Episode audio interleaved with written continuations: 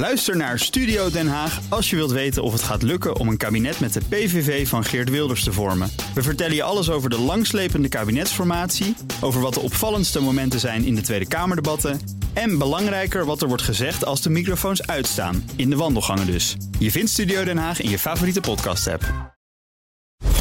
BNR Duurzaam wordt mede mogelijk gemaakt door Milieuservice Nederland. De ondernemende afvalpartner voor zakelijk Nederland. BNR Nieuwsradio. Duurzaam. Harm Edens. Op de groene weg naar 2030 gaan we het vandaag hebben over een nieuwe opzet voor klimaattoppen in de toekomst, hoe we mensen uit de auto en het vliegtuig krijgen en voor de trein laten kiezen, en over warmtepompen die snel een stuk duurzamer moeten.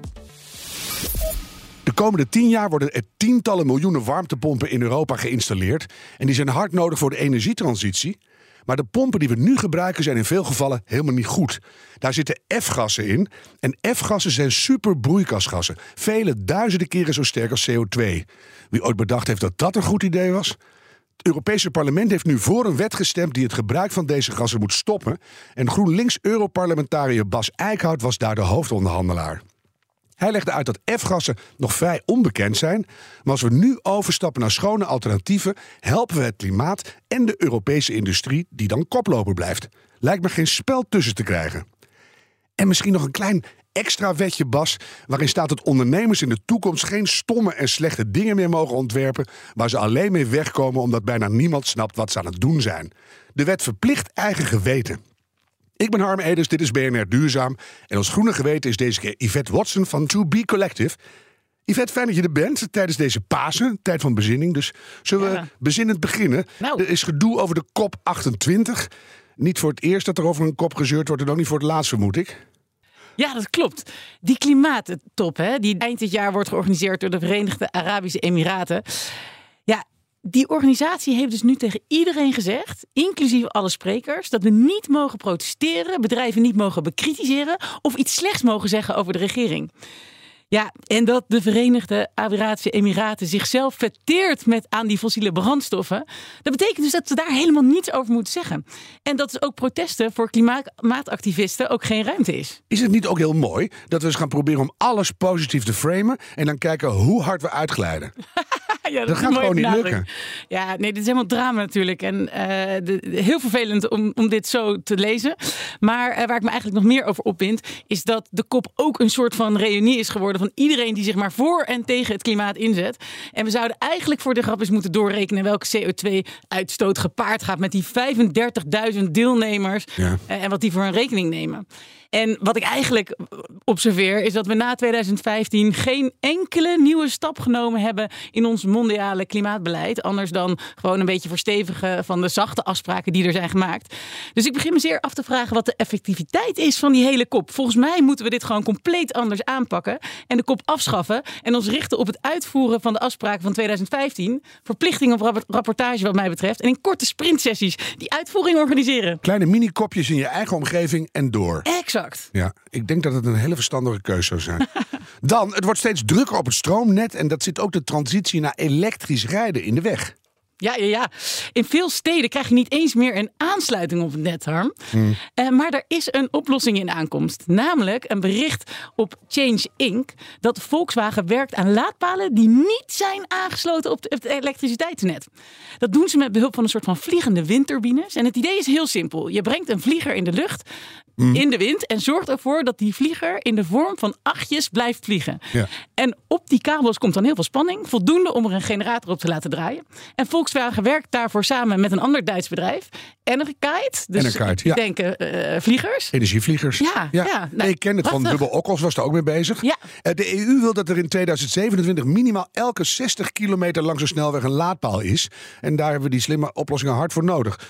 Tot slot een opinierend stuk in de Volkskrant met belerende opmerkingen. Gaan we het klimaat niet redden? Van eh, Olaf Tempelman. Waar gaat het over? Ja, nou, wat we zien is eigenlijk na, na het uitkomen van het IPCC-rapport twee weken geleden, de officiële samenvatting, zie je overal stukken verschijnen over gedragsverandering. En dat 40% van die uitstoot nou ja, kan worden verminderd door gedragsverandering. En daar spelen natuurlijk heel veel opinies ook op in. En wat je veel hoort is dat we dus met die kleine acties, een betere wereld begint bij jezelf, uh, dit, dit aanvalsplan moeten maken. Maar wat zij zeggen, ja, eigenlijk um, zien we hier ook een, de illusie van controle. We denken mm. dat we met onze kleine acties de wereld kunnen verduurzamen. Maar als we dat op, op mondiaal niveau gaan bekijken, is dat helemaal niet zo. En moeten we juist eren wat wij betekenen in het grotere geheel. Ja, nou, ik, moet je, ik moet je zeggen, ik las het stuk en ik stuurde er een tweet uit. Mooie kop, maar wat bedoelt u nou eigenlijk? Want ik vind het eigenlijk wel motiverend dat iedereen op zijn eigen verantwoordelijkheid let. Misschien ga je de wereld er niet mee rennen, maar je draagt bij aan een gevoel met elkaar dat het anders moet. En dat moeten we volgens mij niet kwijtraken. Nou, Harm, dit is precies het gevoel wat ik had hierbij. Uh, dus enerzijds moeten we niet die, die, die illusie van controle hebben, maar we moeten ook niet, wat, hoe Jan Rotmans dat mooi beschrijft, de illusie van machteloosheid. En volgens mij kunnen die twee elkaar ongelooflijk versterken. Want als wij snappen wat onze rol is in die systeemverandering, dan kunnen we echt met een macht 10 mm. kunnen wij die, die systemen van, van, van buitenuit ook veranderen. Dus we moeten vooral onze individuele invloed en rol in het systeem, die gaan erkennen en daar die verantwoordelijkheid in laat, tot uit laten komen. Oftewel, Olaf, we wachten op een vervolgstuk. BNR Duurzaam. De trein als duurzaam alternatief voor het vliegtuig. Als het aan de EU ligt, kiezen mensen en bedrijven in Europa veel vaker voor een coupé in plaats van een cabine. Hoe we die omslag kunnen maken, ga ik vragen aan Paul Peters. Hij is lector duurzaam vervoer en toerisme aan de Breda University of Applied Sciences. Die natuurlijk met de trein hier naartoe is gekomen, Paul. Nou, deels met de bus, omdat uh, ja, de bus trein is ook reed. Bus maar... is ook goed. Meteen maar even de belangrijkste vraag. Hè. Hoe duurzaam is de trein ten opzichte van auto en vliegtuig? Nou, ten opzichte van uh, het vliegtuig is het... Het hangt er vanaf waar je aan het rijden bent met die trein. Mm -hmm. Maar uh, gemiddeld in Europa een stuk of vier, vijf keer beter. Ja. Dus lagere milieubelasting dan uh, als je met het vliegtuig dus enorm. En hebben we dan alles meegerekend? Dus ook de aanleg van het spoor, het grondverlies, productie, bovenleiding en treinstellen, alles? Ja, in principe wel. Uh, het punt is, heel veel ligt er natuurlijk al. Er ligt al um, iets van, wat is het? Nou ja, 200.000 kilometer. 200.000 kilometer spoor. Er ja. ligt 10.000 kilometer hoge snelheidspoor zelfs al. Mhm. Mm -hmm. um, dus gebruik het nou. Dus zeker alles wat je daar bovenop die zet. CO2 is ja. al, dus gebruik het nou gewoon. Dan uh, wordt het steeds kleiner aandeel. Maar dan gaan die treinen op stroom rijden. En de sceptici hoor je alweer echoen. Dat komt natuurlijk weer uit zo'n super vervuilende energiecentrale. Ja, en dat is voor een deel natuurlijk waar. En als je dat doet, is het nog steeds beter. Uh, maar als je dat niet doet, zoals bijvoorbeeld de Nederlandse spoorwegen die hun eigen windmolenpark hebben, nou, dat is gewoon nul. Ja. En uh, Duitsland doet dat met zijn ICE's, maar die hebben niet een eigen park, maar die kopen het in. Maar goed, het is groene stroom. Ja, als het echt groen is en uh, geen De Zwitsers doen het al ja. sinds 1930, hebben ze hun eigen uh, waterkrachtcentrales. Die zie je ook onder de trein. Als je met zo'n trein omhoog gaat, Ja. dan uh, een pas op. Dan zie je daar beneden die centrales De staan. Rethische baan zie je ze gewoon liggen. Ze Ja, gewoon inderdaad. tufje omhoog. Dus, uh, Langs dus dat- Villerwil, daar woonde Wim Kan. Dit ga- gaat helemaal een zijpad op. maar toch mooi. Als je nou een voorbeeld wil stellen. Want eh, eh, harde cijfers die spreken mensen vaak heel erg duidelijk aan. Als ik naar Parijs ga met de trein in plaats van met het vliegtuig. Hoeveel keer minder CO2 stoot ik dan uit? Nou, je kunt met die trein eh, zeg maar eh, acht, negen keer heen en weer voor dezelfde milieubelasting als één keer met het vliegtuig. Ja, het is onvoorstelbaar. En je, eh, uit en thuis ben je waarschijnlijk net zo lang onderweg ongeveer. Met al het gedoe op Precies luchthavens. even lang. Ja, Dus zelfs dan- korter. Hangt er vanaf waar je precies moet zijn in Ja, Parijs. Maar- en dan las ik dat een goederentrein gemiddeld 56 vrachtwagens kan vervangen. We stellen hier dus even officieel vast voor de rest van het gesprek dat de trein echt heel veel schoner is. Hè?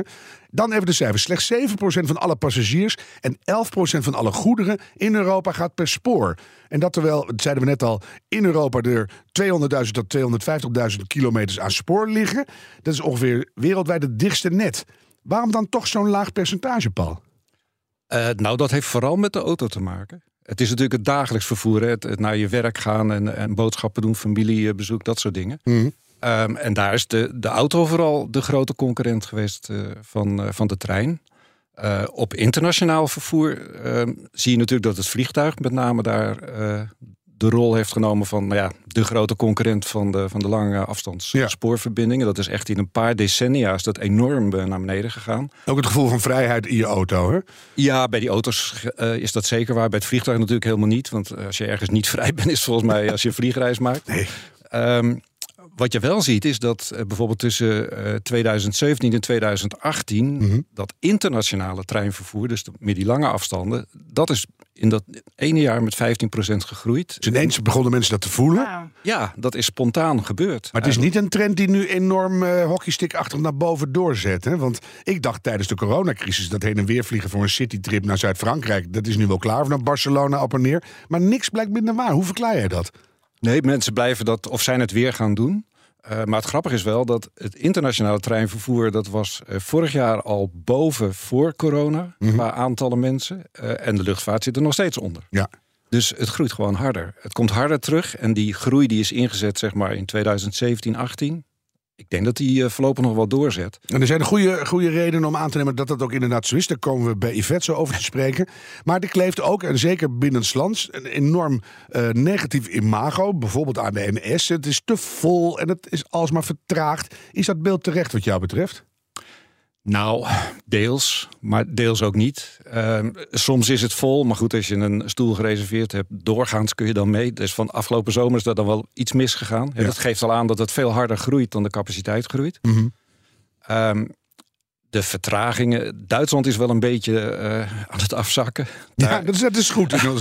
ja, eh, maar goed, die hebben dan inmiddels ook bedacht dat ze de komende tien jaar er 50 miljard in gaan investeren om de zaak weer op orde te krijgen. Ik heb Ja. er ook wel vertrouwen in dat het lukt. Mhm. En het aardige van als alle treinen vertraagd is dat het uiteindelijk niet uitmaakt. Ik heb dat al heel vaak meegemaakt. Als je maar slim bent en je hebt die app bij de hand, Ja. Dan eh, je maakt nooit de route die je had gedacht van tevoren, maar je komt wel op tijd aan. Ja, je moet even goed ontdekken hoe het nou in deze tijd werkt. Precies. Ik ga ook heel weinig met de trein, maar dan, als je dan moet, dan moet je wel even wat huiswerk doen, want anders kom je er niet. Yvette, jij, jij bent echt een vervent treinreiziger. Je hebt niet eens een auto. Eh, Ja. Ben jij echt een fan van de trein? Ja, ik ben echt oprecht een fan van de trein. Mijn hele leven is georganiseerd rondom die trein. En ik, ik denk ook echt dat we het niet moeten benaderen als een vervanging van de auto. Je organiseert je leven gewoon op een andere manier. Dus mijn agenda is gepland op de trein. En eigenlijk, heel eerlijk gezegd, denk ik dat je meer vertraging oploopt met files dan met treinen. Ik heb bijna nooit vertraging. Als je dan, ja, Maar files vinden we fijn, hè? Zeker de vaste. Want dan staan we even een half uurtje lekker in onze eigen privéfile. We zwaaien nog net niet naar dezelfde mensen, maar het is even Ja. me-time. ja precies, hard meezingen op Ja, eh dus- dus, Maar, maar jij, jij zei Ja. laatst tegen mij, ik werk ook in de trein. Lukt dat echt? Het is niet zo vol dat je er aan de armen en benen uithangt? Ja, op het moment dat het vol is, ga ik eerste klas reizen. Eh, Mhm. En dan heb je eigenlijk gewoon echt, ja, je echt wel je eigen privésfeer. Als je zeker als je een koptelefoontje indoet, om goed te kunnen werken. En natuurlijk zeggen mensen altijd, je kan lekker bellen in de auto. En dat doe je minder in de trein, dat is waar. Maar de vraag is hoe effectief het is om de hele dag lekker te gaan zitten bellen. Nee, ik doe dat, probeer dat ook te beperken. Maar soms helpt dat wel. Maar dan kan je op de- ook weer op stations doen natuurlijk. Ja, zeker. Bel je daar even. Absoluut. Nee, en dan de vakanties. Nou ja, want eh, ik vind het fijn hoe mijn leven georganiseerd is met onze gele vriend.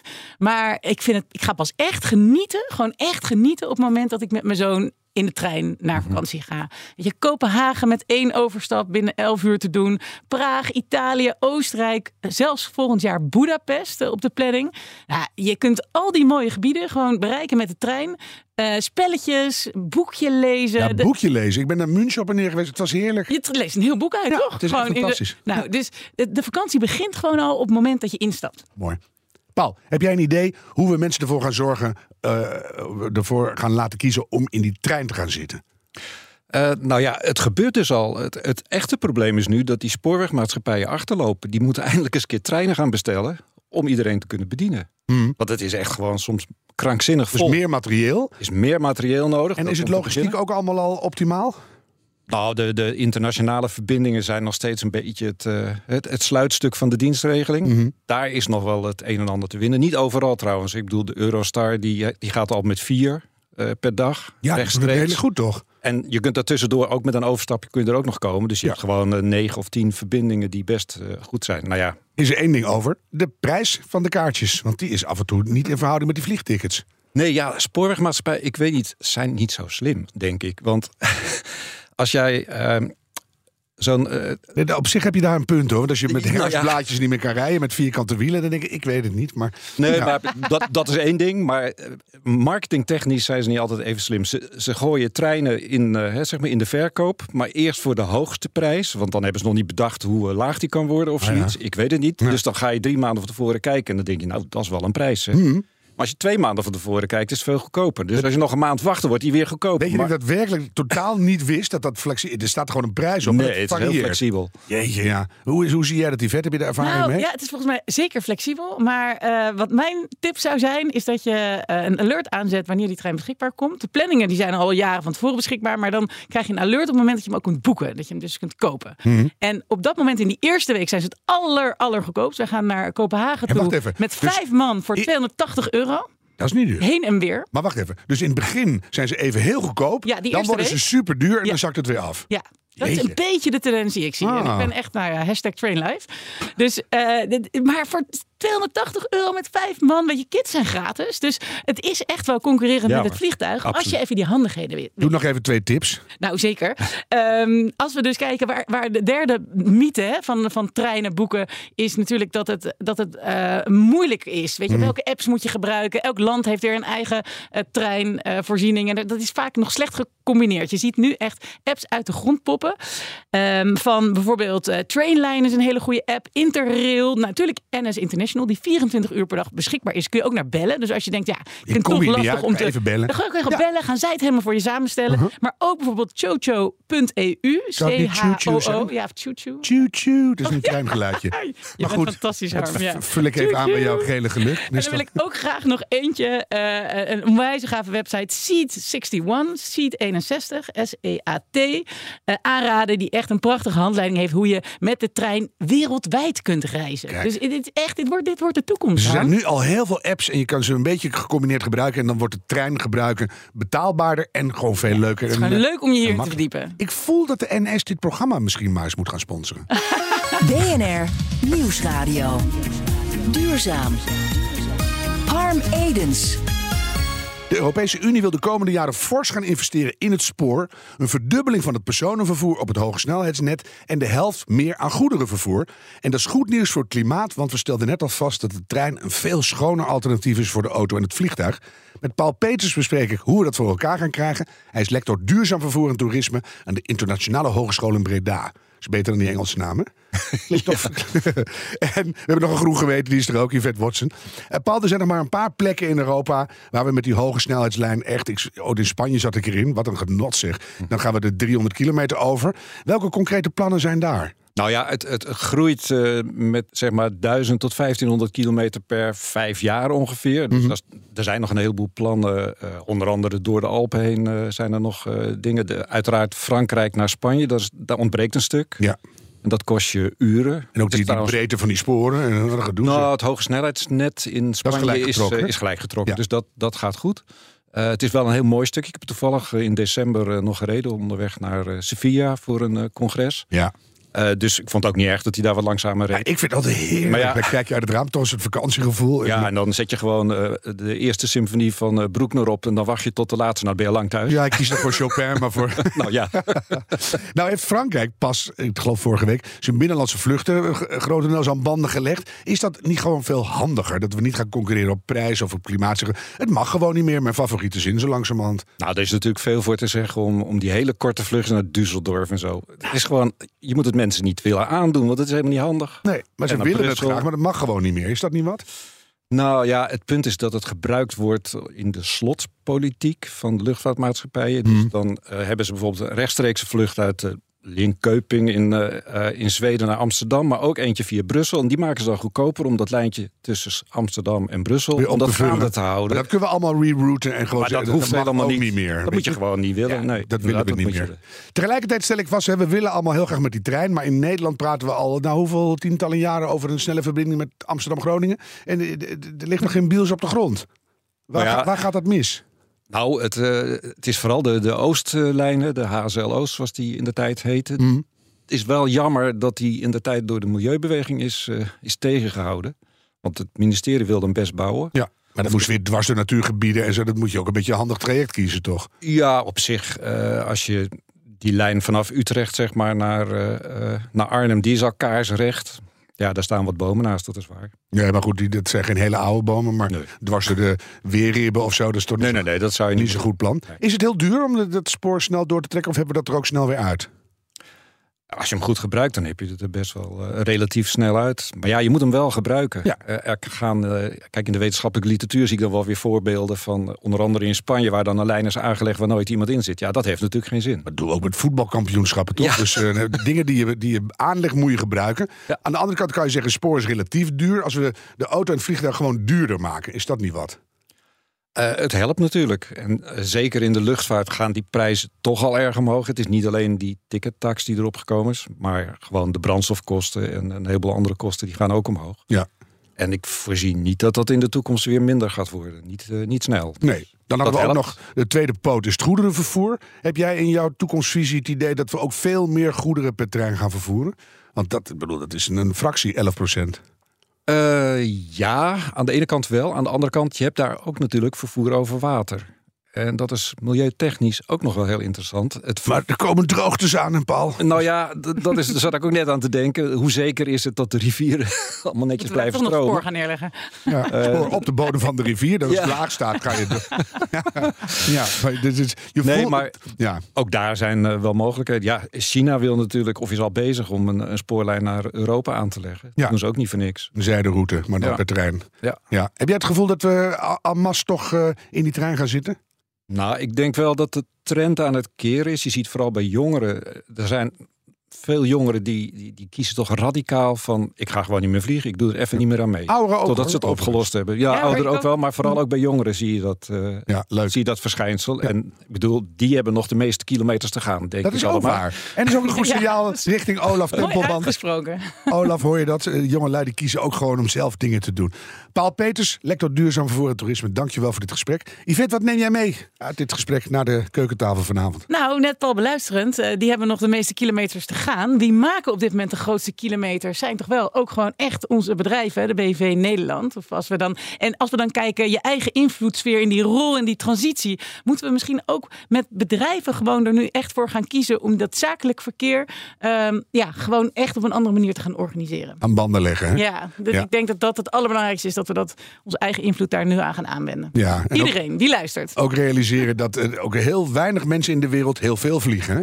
Ja. Dus en heel veel mensen doen daar helemaal niet mee. Dus als we Ja. onze welvaart nou eens op een andere manier gaan trechteren. Nou, echt, hè? we doen alsof het een soort van verworven recht is dat we allemaal maar mogen vliegen. We hebben druk gewerkt, we hebben, het- we hebben ons best gedaan. Dan mogen we toch, toch dat vliegreisje. Nou, als we volgens mij is ruim twee- 42% van Nederland vliegt niet. En als we kijken, wereldwijd is 80% van de wereldbevolking zal nooit vliegen. Dus Ja. weet je, even die bubbel doorprikkend. Nou, volgens mij eh, moeten we dan vooral gaan zorgen dat systemen eh, ingericht worden om alles op een duurzame manier te kunnen doen. Ja, en ik neem mee dat als je lang met de trein gaat en het gaat soms wat lang, langzamer, zet broek nog op. Ja. En dan komt het vanzelf goed. Dankjewel Yvette Watson. Dit was BNR Duurzaam. De groene weg naar 2030. Laten we die met z'n allen nemen. En met de trein graag. De tijd van treuzelen is voorbij. BNR Duurzaam wordt mede mogelijk gemaakt door Milieuservice Nederland. De ondernemende afvalpartner voor zakelijk Nederland. Ook Bas van Werven vind je in de BNR-app. Ja, je kunt live naar mij en Iwan luisteren tijdens de ochtendspits. Je krijgt een melding van Breaking News. En niet alleen onze podcast Ochtendnieuws, maar alle BNR-podcasts vind je in de app. Download nu de gratis BNR-app en blijf scherp.